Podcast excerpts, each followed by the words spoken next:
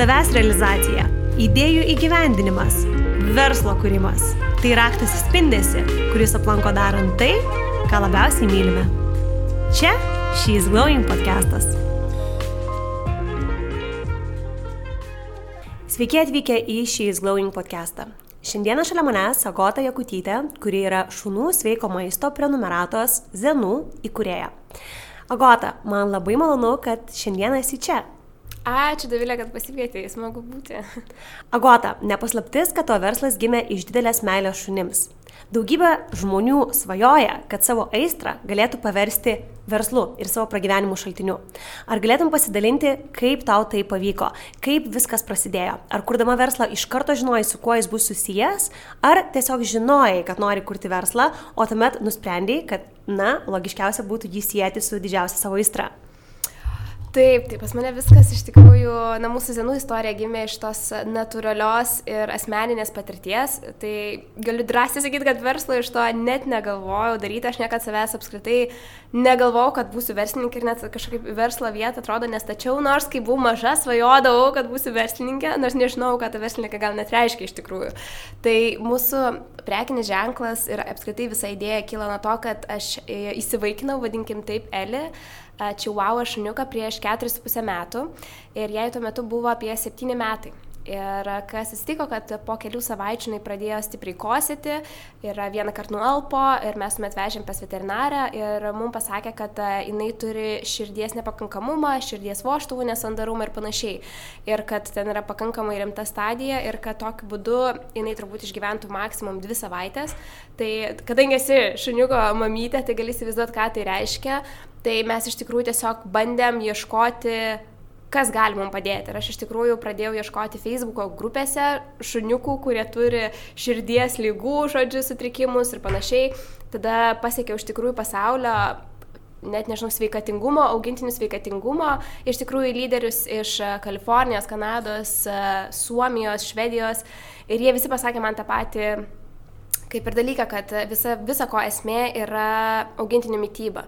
Ir jie, lygiai tas pas iš tikrųjų principas taikomas ir žmonėm, kad you are what you eat tu esi tai, ką tu valgai. Ir aš než, nežinau, kas iš tikrųjų slepiasi tam sausame maiste, kiek daug iš tikrųjų ten yra dalykų, ko mes nežinom iš gamybinės pusės ir maistinės vertės pusės. Ir tuomet e, jie man padėjo sustatyti LS mytybą tiesiog iš naujo ir visą gyvenimo būdą iš tikrųjų sustatyti iš naujo. Tai mes pradėjom ją maitinti ro maistu. E, tai yra ro mytyba, tai yra, kad e, tai yra visiškai neapdorota, žalia mėsa, mėsos organai, daržovės, aliejai ir panašiai. Ir kas e, tuomet atsitiko, kad tai yra pakankamai nepatogu, nes aš turėjau tuo metu penkis dar šunis apartelės. Ir e, aš sekmadieniais važiuodavau į turgų ir pirkdavau visas ten, žinai, širdis, kepenis, visą kraujuotą ten, bandydavau jas susmulkinti, malti, turėdavau atskirą šaldiklį šunų maistų ir panašiai. Ir tai yra labai mesi, tai yra labai labai e, tiesiog nepatogu. Ir tuomet prieš tai aš esu šiek tiek padirbusi su šokoladu ir mes naudodavom liofilizuotas uogas. Ir aš pagalvojau, kodėl nepabandyti adaptuoti šitos technologijos su augintiniu maistu. Jo lab, kad kai mes tik tai pradėjom, tuo metu Amerikoje tik tai prasidėjo iš tikrųjų liofilizuoto maisto visa rinka, kuri dabar yra greičiausiai auganti augintinio maisto šaka. Tai iš tikrųjų tai, kas dažniausiai susikuria Amerikoje, ateina į Europą po šešių kokių metų.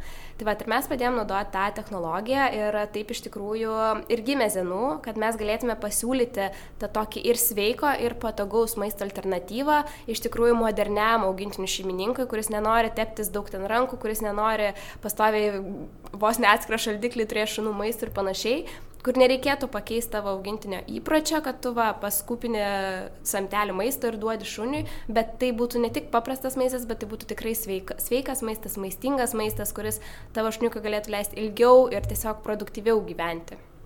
Kai pradėjai šitą veiklą, na, va tau kilo mintis, aha, kodėlgi to nepadarius, kokie buvo pirmieji tavo žingsniai? Ar sėdai rašytis verslo plano, ar tiesiog neristi čia galvą ir, Taip, na, tiesiog darėjai, ieškojai tiekėjų, kaip visą tai atrodė? Aišku, kadangi aš esu mūsų versle labiau produkto žmogus, tai aš pirmiausia turėjau susidėlioti savo viduje produktą, susižiūrėti, kaip ten viskas yra, ieškoti tiekėjų ir panašiai, kad bent jau žinočiau, kad yra galimybė, tai ką aš ten mintį norėčiau įgyvendinti, galimybė įgyvendinti ne tik mažus keilų, bet ir padaryti tai iš to galiausiai tvarų verslą, nes vis dėlto, kas liečia produkto gamybą, tai mes turim užtikrinti, kad jo tiekimas niekada nesustos, kad mes išlaikysim kokybę, kad mūsų technologijos nepasikeis ir panašus dalykai. Tai aš padariau labiau tai ir tuomet iš tikrųjų kita verslo dalis man buvo, aišku, sudėtingesnė, nes aš nesu, aš iš tikrųjų mečiau visą, viską dėl, dėl verslo kūrimo, tai aš ne, neturėjau nei kažkokių verslo studijų, nei nieko. Ir kažkokius bazinius dalykus tikrai žinau, nes turėjau tos patirties tokios gyvenimiškos, bet iš tikrųjų man viską, mūsų visą Zenų veiklą, vadinkim, tai pakeitė mano co-founder, tai mano, vadinkim, tai verslo partneris Mindaugas, mes juos pažinom vienoj konferencijoje Ir jisai pasakoja apie verslo žodžių augimą, kaip, išlaikyti, kaip padaryti ir paruošti verslą exitų ir panašiai. Ir aš po konferencijos įsivalgė cupcake, nu, šitą šokoladinį keksiuką. Tai ir aš visą laiką buvau ant kieto, kieto mytybos, žinai, no carbs, nieko, jokių angliavandenių, jokio cukraus, nieko. Ir aš sinu prie jo, aš sakau, mindaugai nepykit, nu, bet nevalgykit to keksiuko, nes jis labai labai nesveika. Ir jis pažiūrėjo mane ir pasėmė du keksiukus. Ir tuomet prisėdom mes ir aišku, sako, jisai aš pagalvoju, kad tu žiauriai, žiauriai keista esi, bet sako, mes prisėdom ir aš jam papasakojau apie savo visą idėją. Ir jis iš pirmo pagalvojo, kad ši visiška nesąmonė, vien dėl to, kad jis pats yra biotehnologas ir genetikas ir jisai sako, bet mes jau dabar turim stygių kokybiškai mėsai vien žmonėm, tai ką kalbėti apie gyvūnų rinką. Ir mes iš tikrųjų pradėjom vėliau tik tai, na, kaip ir tą verslo visą modelį dėliot, nes mūsų tikslas su Zenu yra padaryti tai, kad mes būtume cruelty free brandas. Tai mes iš tikrųjų dabar pakankamai stipriai žiūrim ir į alternative proteins, tai pavyzdžiui būtų, nu, mūsų pats pagrindinis fokusas tai yra laboratorija auginama mėsa, tai čia yra labiausiai daugiausiai yra tokias mindaugo, uh, vadinkim taip sfera, taip pat yra cricket powder, tai yra visokie svirplių, baltymai mhm. ir panašus dalykai, nes mes ir dabar jau matom, kas dedasi, vadinkim taip, rinkoje, kad ir žmonių produkcijai jau nebėra iš tikrųjų tiek resursų ir e, mes taip pat susidurėm su resursų stoka ir gyvūnų maiste. Ir tai yra visame pasaulyje, ne tik Europoje, bet tai yra, mm. aišku, pradžioje visą tai prasidėjo Amerikoje.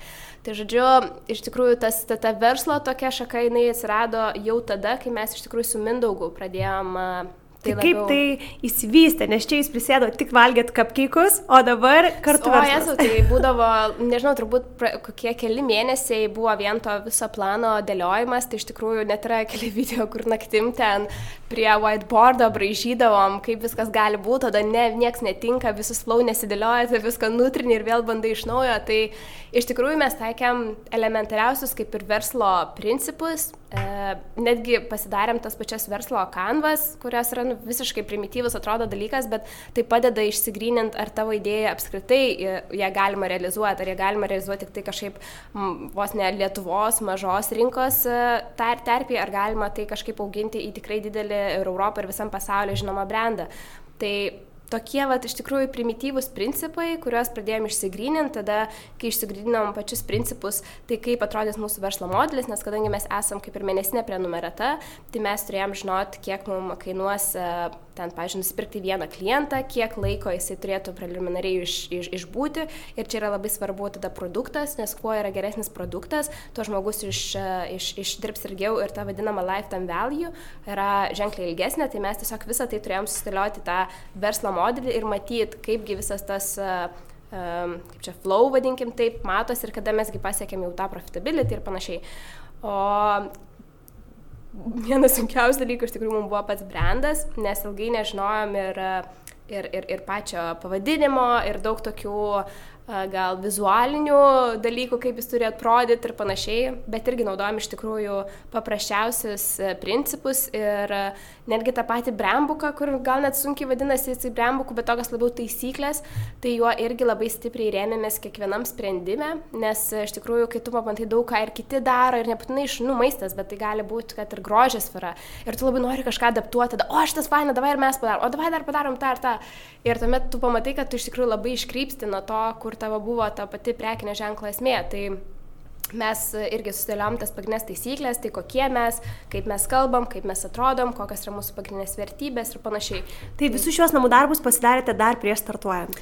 Panašiai, jo, jo, jo, iš tikrųjų, bet mes startavom pavyzdžiui, labai irgi gal toks manau, svarbus visai pavyzdys, kad e, startavom su visai kitokiu produktu negu svajojom, nes mes neradom galimybės liofilizuoti produkto, nes mes labai turėjom tokią iliuziją, kad viską padarysim Lietuvoje, kad čia yra lietuviškas produktas, kad Lietuvoje tik tai dirba žmonės ir panašiai.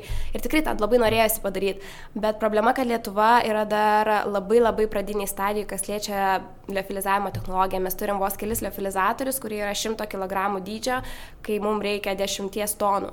Tai e, mes iš tikrųjų susidurėm su problema kad Lietuvoje negalėjom to daryti ir mes visus metus e, pardavinėjom tik tai šaldytą maistą. Tai mes pradėjom nuo šaldyto maisto prenumeratos, bet mes nenorėjom sustot, kad dar pusę metų ar metus laukti, kol padarysim produktą, nes norėjom pirmą pažiūrėti, ar iš tikrųjų rinka reaguoja į tokį produktą, ar jie iš tikrųjų jaučia na, poreikį tokiam produktui ir pirmą norėjom išsitestuoti. Tai iš tikrųjų mes visiškai be, jokio, be jokių resursų praktiškai tai darėm, tik tai iš to, ką buvom patys sutaupę su Mindaugu. Ir va šalitas maistas buvo ta tokia pradinė, vadinkim, pradinis taškas, mes ir e, patį maistą maišėm, mes jį ir pakavom, ir vežiojom klientam, ir šaltkrepšius visus dėliojom, absoliučiai viską darėm patys dviese, website susikūrėm patys, absoliučiai absoliučiai viskas buvo tik tai mūsų dviejų.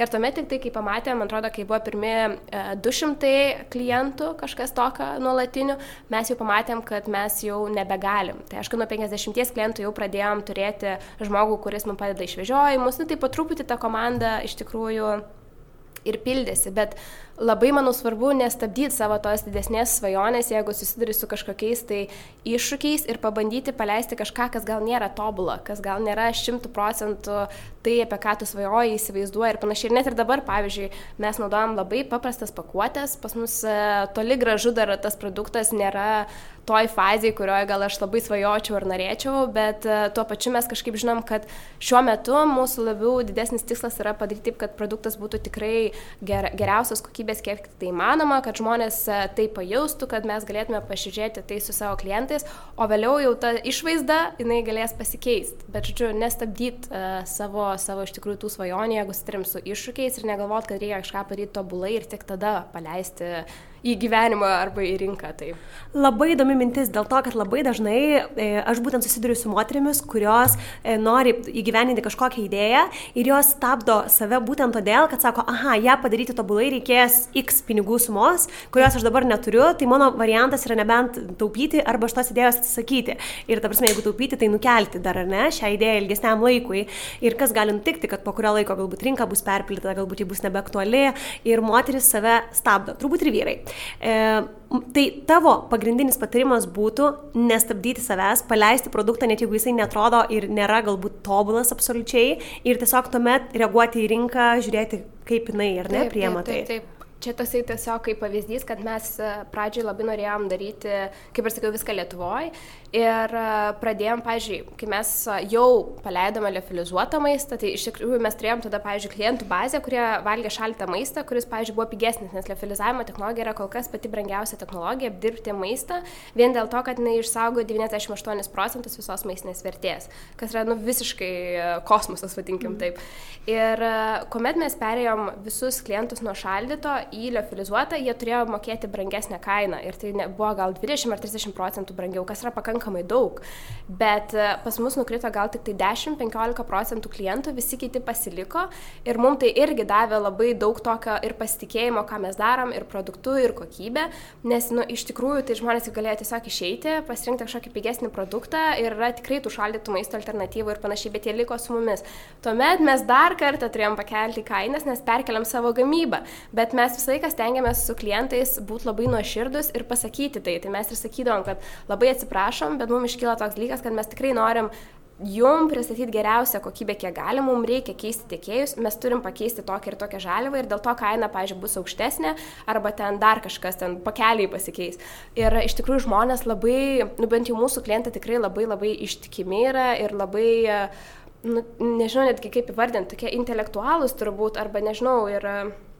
Gal čia yra tiesiog pasitikėjimo prekinių ženklų klausimas, ne, nesu tikra, bet uh, jie tikrai buvo tose bangose visose su mumis ir aš manau tas labai svarbu yra, nes mes galėjom laukti iki vos ne praeitų metų rudenio, kai mes jau pasileidom tą jau mūsų final produktą, vadinkim taip. Ir kai tik tai mes pasileidom jau tą final produktą su keliais skoniais ir panašiai, tada gal būtų buvęs tai jau tas startas, kur aš jau būčiau ale jautusi, kad jau čia viskas gerai. Bet kaip pagalvojom, mes pusantrų metų prieš tai pasileidom, jau rinkom klientus, jau gavom kažkokį tai atsakymą ar konstruktyvų jų feedbacką, tai ką, ką mums reikia improvint, kas jiems yra svarbu ar nesvarbu ir panašiai. Ir aš manau, kad tai labai svarbu yra bet kokiam produktui, bet kokiam prekiniui ženklui, nes vis tiek tų pokyčių bus. Tu niekada nepadarysi tokio produkto, kuris bus pas tave amžinai ir jis nesikeis ir panašiai. Tai manau, tikrai reikėtų drąsiai pradėti, o jau vėliau kažkiek keisti, patobulinti ir panašiai. Jo lab, kad geriausias tas patobulinimas yra, kai tu išgirsti tai iš klientų, o ne kaip pats apie tai galvoji. Tai. Be abejonės, Agota, noriu nuoširdžiai paklausti. Mitas ar tiesa, kad verslą pradėti reikia labai daug pinigų? Ai, tikrai mitas. Aišku, mes iš tikrųjų susidūrėm ir su, ir su tuo, ir su ta pusė. Tai manau, kad verslui pradėti tikrai nereikia daug pinigų, ypač išsitestuoti tą vat, pradinį produktą, kur, apie ką mes vat, ką tik iš tikrųjų ir kalbėjom. Tai mes irgi, kaip ir sakiau, pradėjom tik tai nuo savo asmeninių pinigėlių, tai buvo tikrai labai nedaug. Gal... Galėtum pasidalinti, kokia Jo, aš vat ir galvoju, kiek maždaug buvo, tai gal buvo apie 10 tūkstančių eurų, ar 7, ar tai 10 kažkas tokio, ir mes daug kuriuos e, ištaškėm visiškai ne ten, kur reikėjo, ir tikrai padarėm Pavyzdžiui. daug. Pavyzdžiui, startavom ne nuo maisto, o pradėjom nuo šampūnų, nes aš pastai esu turėjusi šampūnų prekinį ženklą ir mes galvojom, kad pasileisim šampūnus, taip galėsim surinkti, pavyzdžiui, e-mail, e-mailų bazę ir tuomet jau juos apdirbti ir e, panaudoti, nes vis dėlto šampūnas yra pigesnis produktas, mažiau įsipareigojimų ir panašiai. Bet mums visiškai tai nesisekė. Ir e, iš tikrųjų, tai vis tiek tai išėjo gal keli tūkstančiai eurų, gal tūkstantis kažkur ir panašiai, nes daug irgi nesigaminom ir ten labai ten nei pakuočių, nei kažko nedarėm. Ir panašiai, tai tikrai buvo tokių, tokių vadin, nežinau, aš vadinu, kliurkom, čia žodis gal pats negeriausias, bet, e, bet tokių tikrai įvykių buvo, tai mes tikrai pradėjom nuo labai mažų e, pinigėlių ir mūsų dabar kreipiasi daug ir Europos startupų, ir, ir merginų, kurios ten daro, ir šuniukų brandus, ir kosmetikos brandus, ir, Ir dažnai susitarė su ta problema gamybinės, ypač pusės, kad, e, nu, mums čia gamintojai sako pasigaminti 10 tūkstančių vienetų ir panašiai. Mes pradėjom, mes, mums irgi gamintojai taip sakė, bet mes su jais tiesiog pradėjom dėrėti, susitarėm ir vos ne patys, kaip ir sakiau, pradinės tas e, maišiam e, visas žaliavas, vien dėl to, kad jiems net neapsimokėjo žmogaus statyti, bet mes patys tiesiog tai padarėm, kad tiesiog išsitestuoti visą tai ir aš tikrai žinau, kad kažkada juk nereikės visą gal gyvenimą to daryti. Uh, tai Labai užkabinai įdomią mintį, sakydama, kad mums iš tikrųjų tiekėjai irgi sąja, kad reikia padaryti tam tikrą e, minimalų užsakymą, tačiau jums pavyko nusidėrėti, ar ne? E, šitoje vietoje dažnai girdžiu ir savo klienčių būtent tokį komentarą, kad, tarkim, norėjau užsakinėti, bet minimalus kiekis yra toks ir toks. Na ir kaip ir viskas, arba aš tai galiu, bet taip. ką aš darysiu, jeigu aš to neišparduosiu. Kokia buvo jūsų strategija? E, kaip taip, jūs dėrėjotės? Taip, tai mes iš tikrųjų pirmiausia, tai visada nereikia galvoti, kad yra tik tai vienas tiekėjas, mes dažnai vis galvom, o jie Jėzus, radau tą tobulą tiekėją, tą tobulą produktą, bet iš tikrųjų, kai pradėjai ieškoti, atsiranda jų dar daugiau, dar geresnių ir panašiai, Tai e, mes iš tikrųjų pradžioje irgi galvojom dirbti su vienais, bet tuomet tiesiog e, pradėjom ieškoti ir kitų ir e, tuomet tiesiog ir vyksta tas toksai darybinis, kad tu turi kaip ir vieną kainą ir žinai vienus kiekius, tu metini pas kitus, pasakai vienus, kad tau reikia mažiau, bet tada tu jam parodai, kokia yra tavo šiaip produkto vizija, nes kas mums pastarnavo labiausiai, tai iš tikrųjų mūsų pačio pats produktas ir pati mūsų istorija ir pats mūsų siekis. Tai, tai daugelis žmonių ir, pavyzdžiui, iš, iš produkcijos pusės ir dabar dabar jie tiesiog labai labai tiki mūsų istoriją, jiem tai labai patinka ir jie tame mato irgi didžiulę perspektyvą. Nes jeigu tu ateisi ir būsi tiesiog toks dar vienas white label kažkoks tai produktas, be kažkokios tai istorijos, be kažkokios tai aistros, be kažkokio tai kitokio, um, net nežinau, kitokios tokios anglo, mm. net nežinau kaip įvardinti. Kitokios pusės savo. Tai bus tiesiog, busi kaip ir visi ir niekas labai tave nenorės nei per daug žiūrėti, nei ką, nes vis dėlto dideliem gamintojam, jeigu tu esi mažiukas, jiem tu esi irgi kaip ir investicija. Ir jeigu jie mato, kad tu turi potencialą aukti, kad tu turi potencialą būti didžiuliu prekiniu ženklu dėl tam tikrų, vat, kaip aš sakiau, dėl pačio produkto, dėl tavo istorijos, dėl to, kaip jūs komunikuojate, dėl prekinio ženklo, kaip jisai atrodo ir panašiai, tai jie tikrai sutiks, e, nors ir dabar pagamintos mažesnius kiekius, bet jie žino, kad metų perspektyvoje ar dviejų metų perspektyvoje tu gali būti vienas iš didžiausių prekinių ženklų, ką jie užsisakinėja. Tai bent jau mes taip va, ėjom, mes reprezentacijas darėm ir ten aiškinom, pasakojom, ką, kokias mūsų vizijos ir panašiai yra. Ir tas toksai nuoširdus žmogiškumas mums visą laiką labai labai padėjo. Bet koks buvo jūsų kelias su tiekėjais? Ar jūs jų ieškojate Google, ar važinėjote tiesiai, skraidėte pasimatyti su jais gyvai, kaip tai atrodė? Mes pradėjom savo produktą, iš tikrųjų paleidom per COVID pirmą bangą, tai mes nieko negalėjom važiuoti, nieko negalėjom žiūrėti ir man tas buvo didžiulis iššūkis, nes aš visą laiką esu linkusi būti gamybos daly nuo A iki, iki Z pačios pas, paskutinės dalies ir matyti viską, paliesti ir panašiai. Tai kadangi mes maistą vėliau susiradom kitus tiekėjus ir jie buvo užsienyje, yra užsienyje, tai iš tikrųjų aš turėjau bendrauti per WhatsAppą, tai aš paprašydavau, kad jie tiesiog filmuotų live viską ir prizumintų iki pat pat ten mėsytės gabaliuko, kad aš galėčiau pažiūrėti, parodytų, paimtų konsistenciją, parodytų ir panašiai. Tai iš tikrųjų buvo pakankamai sudėtinga e, iš tikrųjų pandemijos tuo, tuo, tuo laikotarpiu tai daryti. Dabar tai žinoma, mes iš tikrųjų keliaujam į vietą, nes ir dabar ieškom dar vienų naujų tiekėjų. Tai nusimato irgi nemažai tokių, vadinkim taip, komandiruočių, nes aš labiausiai mėgstu pamatyti tą produktą, kaip jis atrodo, pamatyti kiekvieną žaliavą, susipažinti su žmonėmis, žinoti, kas daro ir panašiai. Tai manau, kad visą laiką geriau yra būti ten, pasi, ypač toj, kas liečia fizinį produktą, negu kažkur na, maždaug nuotraukas apsikeisti ir galvoti ir panašiai, nes ir tau pačiam, jeigu esi atsakingas už produktą, tai matyti kiekvienoje vietoje, kas vyksta, irgi yra labai labai gerai, nes tu ir mokaisi ir tu gali suprasti, jeigu matai, kad kažkas, pavyzdžiui, su produktu ne taip, gali jau nuspėti, kurioje daly viso gamybos galinės tai galėjo įvykti. Taip. Tai vat mano tokia istorija. Bet, na, įsivaizduokim, iš pat pradžių dabar esam čia, ar ne, mūsų šovė nuostabi mintis ir mes norim pasižiūrėti, ar iš viso galima atrasti tinkamus tiekėjus. Tokiu atveju pirmasis žingsnis būtų tavo nuomonė iš karto starti su jais vizitą ir skristi, nes regis galim tada įskraidyti į daug skirtingų pusių ir galbūt nerasti tiekėjų.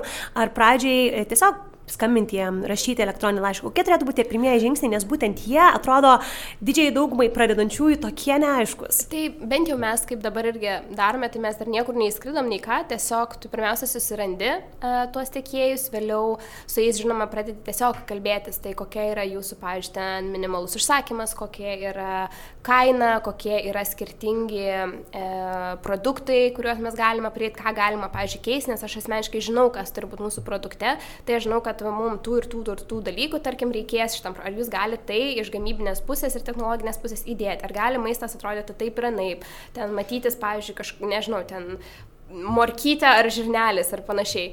Tai pirmiausia, išsižiūri detalės ir aš bent jau darau tokią kaip ir lentelę palyginimų, žinai, kaip būna, sakytų, pasirašyk minusus ir pliusus. Mm. Tai labai panašiai iš tikrųjų turi kiekvieną gamybos partnerį, kuriame yra surašyti esminiai klausimai, ką jie gali padaryti. Ir tuomet aš tiesiog lyginu ir, ir žiūriu visą tai. Ir tik tada, kai mes jau nusprendžiam, kad, okei, okay, šitie, pavyzdžiui, du yra mūsų potencialiausi, kad jie atitinka visus tos reikiamus kriterijus ir panašiai, bet, pavyzdžiui, pas vieną yra vienoks dalykas, pas kitą kitoks, tai tuomet mes jau skrendam dažniausiai ir pasižiūrim, nes bent jau mums yra svarbu, su kokiais žmonėmis irgi dirbam, nes tai daug ką pasako ir apie patį, na, pačią, vadinkim taip, gamybą, bet Kas dar svarbu yra, labai viskas, aišku, priklauso nuo produkto. Kadangi mes patys kuriam patį produktą, tai mums gal tas yra svarbu. Jeigu tu, pažiūrėjau, žinai, kad, nežinau, uh, ten vitaminai, pavyzdžiui, kažkokie, tai tu ten per daug gamyboje ne ką ir nuveiksi, tai gal tau užtenka tiesiog atsisiųsti pavyzdžius. E, pavyzdžiui, mes irgi taip darėm su šampūnais, mes e, pasidarėm labai mažą užsakymą, ten gal 15-20 vienetų. Ir tuomet e, padarėm irgi lipdukus, paprasčiausiai atsiprintinom kopijavimo parduotuviai, išsikirpam, uždėjom ir davėm savo draugam, klientam pasibandyti. Ir kad jie pirmiausia mums pasakytų tai, ką jie galvoja apie tai. Ir tik tada, kai jie mums pasakė feedbacką, mes improvinam, tik tada mes pa, iš tikrųjų paleidom jau kitą produktą produktą. Tai čia galima irgi būtų taip, kad nevažiuoti į vietą, tu atsisiunti pavyzdžius, gali užsisakyti pirmus e, mažiausius pavyzdžius ir tuomet tiesiog duoti savo draugam, žmonėm, kurie tavim tiki, kurie žinai, kad bus tas ne mamos feedbackas labai geras yra verslė toksai, e, nu, kaip ir, kaip ir taisyklė, kad reikia duoti žmonėm, e, duoti iš tikrųjų tą savo produktą, patestuoti, kurie nebus kaip tavo mama, kurie pasakys, o Dieve, Dovilė, čia yra nuostabiausias produktas, kurį tu esi katėms padarius. Mano plaukai iškart pradėjo aukti taip greičiau per dieną, čia viskas super, bet iš tikrųjų, kai pagalvoji, ar tai iš tikrųjų tas yra nu, nuoširdus feedbackas yra tik tai tas, kad nu, jie tikrai tiesiog myli tave, jie nori tave palaikyti ir panašiai. Tai reikia labai atsirinkti tos žmonės, kurie gali kritiškai į tave iš tikrųjų ir tą produktą įvertinti. Tai galima iš tikrųjų ir nuo to startuoti, su mažais samplais, pabandymais savo ar draugam, ar kažkiem klientam ir pažiūrėti, kaip iš tikrųjų tai reaguoja. Gali net pirmus, pavyzdžiui, mes netgi kai kurias rinkas ištestavom be produktų. Mes net negalėjom siūsti produkto į tą, nu, mes, mes dažniausiai, jeigu testavimo prasme, tai kalbu apie Instagram ir Facebook atsus, tai mes ištestavom net be produktų tas rinkas ir pažiūrėjom, ar apskritai toks produktas tai rinkai yra aktualus. Tai tu net gali nieko neužsakinėjęs, jau pabandyti, ar tavo iš tikrųjų tas produktas bus kažkam svarbus. Ar turiu minėję, kad tiesiog leisti Facebook, Instagram reklamas, na, tarkim, Danijoje ir žiūrėti, ar iš viso yra taip. susidomėjimo, ar ne, taip, net ir neturint pačio produkto. Taip, taip, taip. Bet kas tuomet nutinka, jeigu žmogus užsisako? Tai dažniausiai tai testai nevyksta labai didžiuliu, nu, kaip čia, skailu ar mhm. mastu. Mhm. Tai dažniausiai arba tu pasakai, kad atsiprašom, šiuo metu mes to produkto nebegalim tiesiog atsiųsti ir tada padarai refundą, arba jeigu ten labai nesudėtinga tau išsiųsti tą produktą, tai tiesiog gali ir išsiųsti jį. Bet dažniausiai tai taip yra testuojama. Čia aišku, gal, vadinkim, tai nėra pati gražiausia technika, nes vis dėlto tu kaip ir klientas susižavi tavimo, tu kaip ir pasakai sorry, bet iš kitos pusės, tai kai esi mažas, kai neturi didžiulių biudžetų, tai yra galima sakyti vienintelė galimybė, kaip tai pasidaryti ir kaip tai išsitestuoti iš tikrųjų tą rinką. O kai jūs kūrėte savo prekinį vardą, jūs žinojate iš karto, kad tai bus pasaulinis prekinis vardas, ar pradžioje galvojate, kad fokusuositės į Lietuvą? Mes iš, iš pat pradžių žinom, kad tai m, bus tik tai pasaulinio, net iš tikrųjų ne pasaulinio, mes iš tikrųjų pirmiausia galvom apimti Europą ir tik tuomet eiti į, į, į Amerikos rinką, bet matau, kad dabar matom, kad tiesiog Amerikos rinka turbūt ateis greičiau negu mes planavom, bet mes irgi tiesiog žinom, kad turim adaptuotis prie to, kas vyksta versle ir būti pakankamai lankstiems. Tai visą laiką žinom, nes iš tikrųjų Lietuva mūsų produktui yra, nu, tokia, vadinkime, ne pati geriausia rinka, nes iš tikrųjų produktas yra pakankamai brangus ir pati rinka nėra didelė žmonių atžvilgių arba klientų atžvilgių. Tai mes visą laiką žiūrėjom į tokią rinką Lietuvą kaip testavimo. Bet iš tikrųjų kol kas mes esam sužavėti e, lietuviais, iš tikrųjų, ant kiek jie rūpinasi savo, savo keturkojais, kaip jie iš tikrųjų nori tos, to geresnės kokybės maisto ir tikrai jie yra linkę ir mokėti mokėti daugiau, nes jie supranta tą vertę pačią. Tai tas labai labai mane nustebino, nes aš tikrųjų nesitikėjau tokių rezultatų. O Lietuvoje kokie kanalai jums buvo, nežinau, patys veiksmingiausi? Ar žmonės, kurie tiesiog papasakotų, pasidalintų rekomendacijomis, reklamos? Nes iš esmės tai buvo, na, jums reikėjo kaip ir supažindinti žmogus tokiu produktu, ar ne? Taip, taip, taip. Tai mums reikėjo ir su pačiu produktu supažindinti, ir su pačiu principu prenumeratos, nes iš tikrųjų daugelis pradžioj nesuprato to. Tai buvo pakankamai daug iššūkių, nes mes Lietuvoje ir apskritai Europoje, kas liečia liofilizuotą maistą, esame tokie kaip pionieriai, nes nu, nėra tiek daug prekinių ženklų, kurie tai daro, arba yra tiesiog, kurie turi kaip papildomą produktą, bet ne kaip pagrindinį. Tai iš tikrųjų dabar net ir, ir, ir galvoju, Mes e, pagrindę, pas, visą laiką pas mus pagrindiniai šaltiniai arba kanalai visą laiką buvo Facebook'o ir Instagram'o atsai. Mums pakankamai, aišku, tas labai viskas priklauso nuo pačio produkto, bet mums pakankamai gerai veikia referral campaigns. Tai pavyzdžiui, jeigu tu esi mūsų klientas ir tu, pavyzdžiui, pas mus pabūni 2-3 mėnesius ir tu jauti ir tau patinka tavo šuniukui maistas, tai tu tuomet gauni savo koduką ir tu jį gali pasiūlyti savo klientų, savo draugui ir panašiai. Ir mes dabar davonojam papildomą mišelį maisto, jeigu kas kartą tu pritrauki vieną klientą ir panašiai. Tai, tai mums va, toks va, principas irgi labai pasisekė mm, ir čia turbūt tokie pagrindiniai. Iš tikrųjų mes, kas liečia, pavyzdžiui, social media ar panašiai, mes nesam pakankamai aktyv. Um, Nu, turbūt va taip, va, iš tikrųjų leidom ir nemažai PR straipsnių ir panašiai, jie labiau veikia kaip uh, pa, papildas uh, Facebook ir Instagram mm. atsam, kad duoti tą tokį trust ir panašiai, mm. pasitikėjimą, bet tai nėra toksai kažkaip pagrindinis, vadinkim taip, um, pačių, pačių salesų, pačių pardavimų, pardavimų generavimas. Jo. Agota, e, ačiū už tokį nuoširdų dalinimąsi ir iškart labai įdomu, kai galvojate apie įimą į užsienį, ar tavo nuomonė, jeigu na, žmogus nori kurti prekinį vardą ir galvoja, aš matau labiau šitą produktą užsienyje, o ne Lietuvoje, ar tokiu atveju iš karto reikėtų pradėti galvoti apie išorinį investavimą?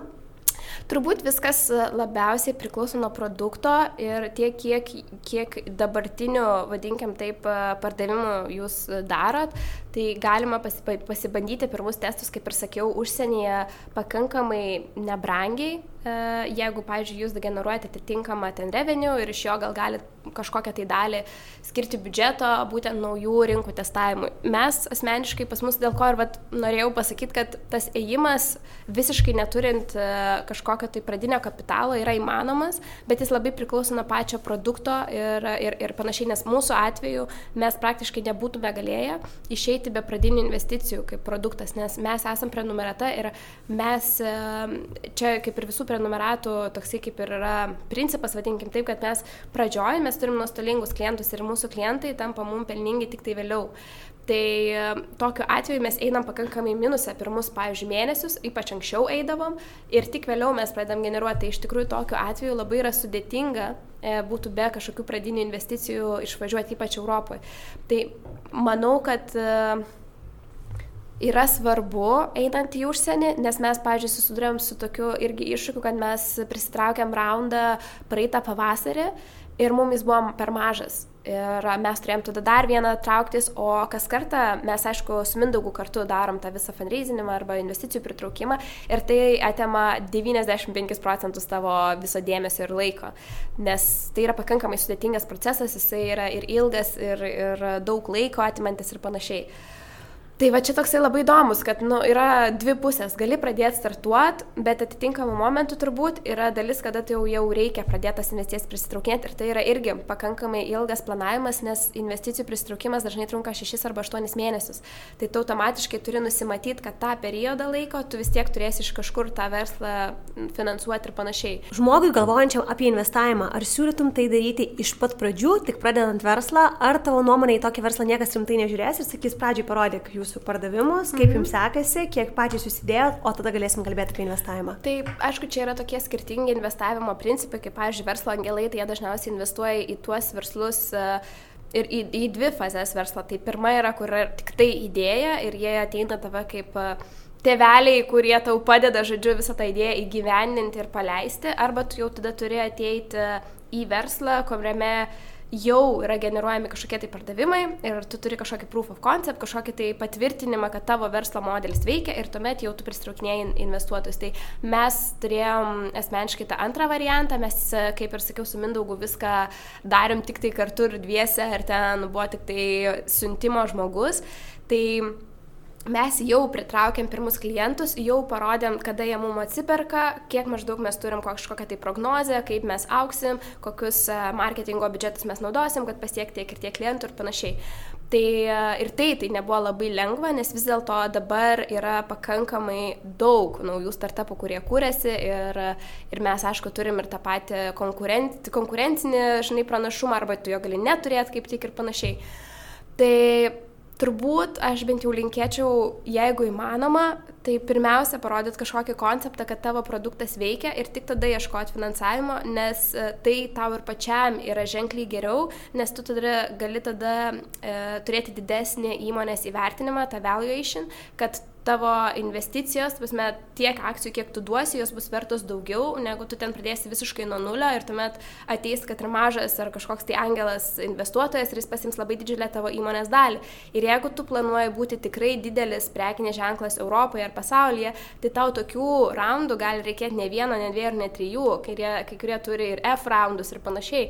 Tai gaunasi taip, kad uh, tu save labai tada apriboji netgi augimo prasme, bet uh, kaip ir sakau, viskas dažniausiai priklauso labai nuo pačio uh, produkto, nuo pačio verslo, kaip jisai vystysis. Gal tau reikia tik tai tokios, vadinkim taip, pradinės mažos injekcijos, o tu jau vėliau galėsi pats iš savo E, uždirbamų pinigėlių jau puikiausiai išlaikyti ir aukti. Tai vat, viskas labai iš tikrųjų priklauso nuo pačio verslo modelio ir kaip pasirinkit jį auginti. Nes startupai vis dėlto yra ne tas pats kaip įmonės, nes dėl ko vadinami startupai. Mes turim aukti maždaug 5-7 kartus. Nu, pradžioj tai gali būti, pažiūrėjau, 4 kartai per metus. Tai yra labai labai greitas augimas ir tik dėl to tu vadinėsi startupas. Ir dažniausiai startupai dėl to prisitraukinėja tas investicijas, kad galėtų patvirtinti būtent tą greitą augimą. Bet jeigu tu nejauti, kad tu ten nori, pažiūrėjau, sprogdinti, rinką, kaip ten kiti sako, tai galima pasirinkti tiesiog stabilaus verslo ėjimą ir tos investicijos bus mažesnės, tu atiduosi mažiau gal savo akcijų, tu gal auksi, aišku, gal ir lėčiau ir gal ne taip greitai, bet tu būsi stabilesnis. Tai iš tikrųjų tiesiog čia ir nuo pačio žmogaus, nuo pačio įkurėjo turbūt daug kas labai, labai priklauso. Kokie būtų tavo patarimai žmogui galvojančiam apie pritraukimą investicijų į verslą? Nuo ko pradėti? Tai aišku, pirmiausia, reikia labai gerai turėti išsira, išsirašius ir išprezent, vadinkim taip sudėjusi prezentaciją esminius tavo verslo principus, taip pat verslo modelį, pačią komandą, idėją, dėl ko visa tai yra. Pavyzdžiui, jeigu turit kažkokį produktą, kuriame yra naudojama atitinkamos technologijos ar kažkokia inovacija, tai yra, jį turi būtinai įtraukti, kad žmogus, kuris ateitų ir skaitytų tavo prezentaciją, suprastų, tai kodėlgi vis dėlto jie turėtų investuoti į tave. Ir iš tikrųjų labai jokingas buvo pasakymas, kai mes tik pradėjom, vadinkim, tuos pitčius, kai tu turite per 15, pavyzdžiui, sekundžių sekundžių pristatyti savo produktą, ar 30 sekundžių, arba 7 minutės skirtingai būna, e, kad iš tikrųjų investuotojai tavo prezentaciją žiūri tolete. Tai va, tok, va taip va iš tikrųjų yra, nes investuotojai gauna dešimtim tūkstančių PDF per dieną, juos dar kažkas, jų asistentai ir viūna pažiūri, kas maždaug būtų tau įdomu, neįdomu ir tada jau tu tolėtė sėdėdamas maždaug praskrolinį pasižiūri. Tas labai yra svarbu supras, nes nėra taip, kad kiekvienas investuotojas žiūri tavo prezentaciją, o dieve, nu šitas fontas, viskas čia taip gražu. Iš tikrųjų tai turi naudoti netgi ir paprasčiausius marketinginius uh, dalykus, kad, nu, iš tikrųjų užhukint patį arba duoti kažkokį tai, net nežinau kaip čia lietuviškai įsireikšti, kažkokį kabliuką investuotojui, kad jis susidomėtų ir panašiai. Tai, Tai mes irgi patys šito stipriai mokėmės, bet e, esmė tiesiog turėti visą tą veikiantį verslo modelį, parodyti, kad tu jau veiki, kad jau pasieki kažkokių tai rezultatų, uh, tai žodžiu turėti tą tokią papirinę, vadinkim, taip mhm. dalį. Mm. Antras dalykas, bent jau kas mums buvo labai svarbu, e, tai man, man ir Mindaugui buvo svarbu, kokie tai būtų investuotojai, kad tai nebūtų vien tik tai pinigai, bet kad tai būtų žmonės, kurie mums galėtų padėti, kurie galėtų pasidalinti savo patirtim ir panašiai. Tai labai jokinga, nes mūsų du pagrindiniai investuotojai yra iš cyber security, kas visiškai nėra nieko bendro su dog food, ta prasme, šuniukų maistas iš viso nieko atrodo nereiškia, o štai bet e, jie turi milžinišką patirtį, kas liečia visą elektroninę priekybą, kas liečia apskritai bendravimą su klientais, su investuotojais ir panašiai, ir apskritai verslo principą patį veikimą.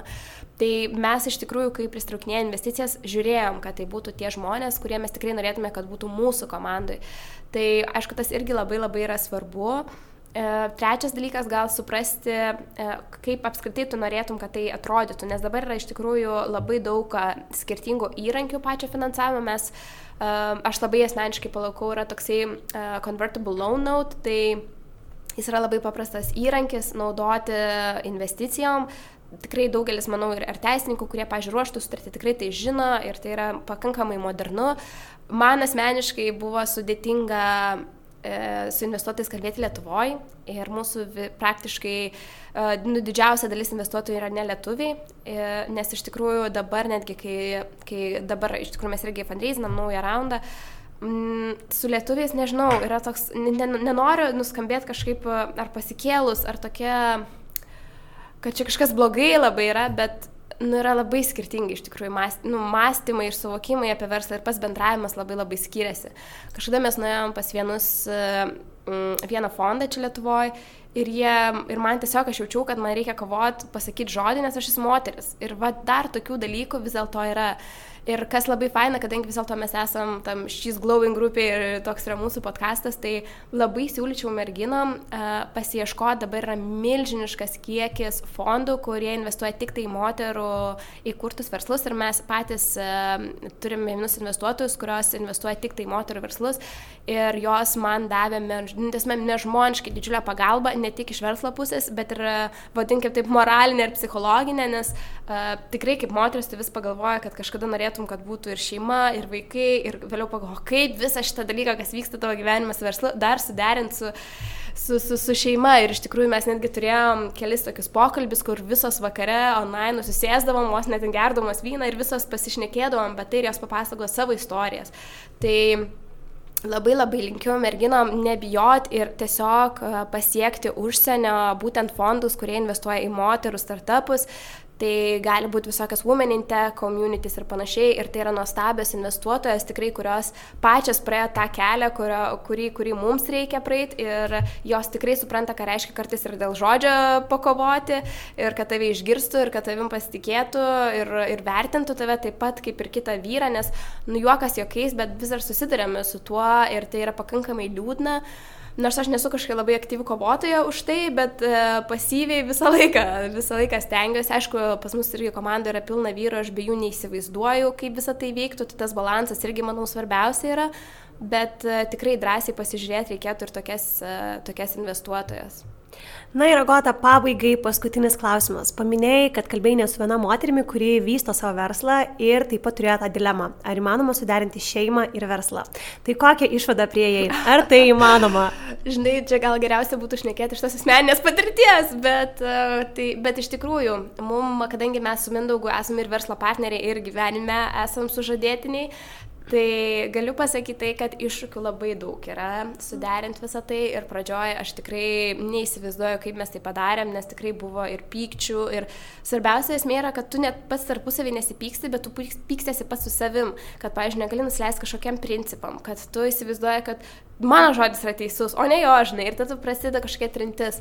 Tai iš tikrųjų man labiausiai padėjo apskritai meditacijos ir tas visas kelias eiti, nu, samoningumo keliu eiti, nes tai labai parodo dažnai, kur tu pats esi nuklydęs, kad iš tikrųjų dažniausiai visos problemos ar pykčiai prasideda tavo viduje, o ne su kažkokiais kitais žmonėmis.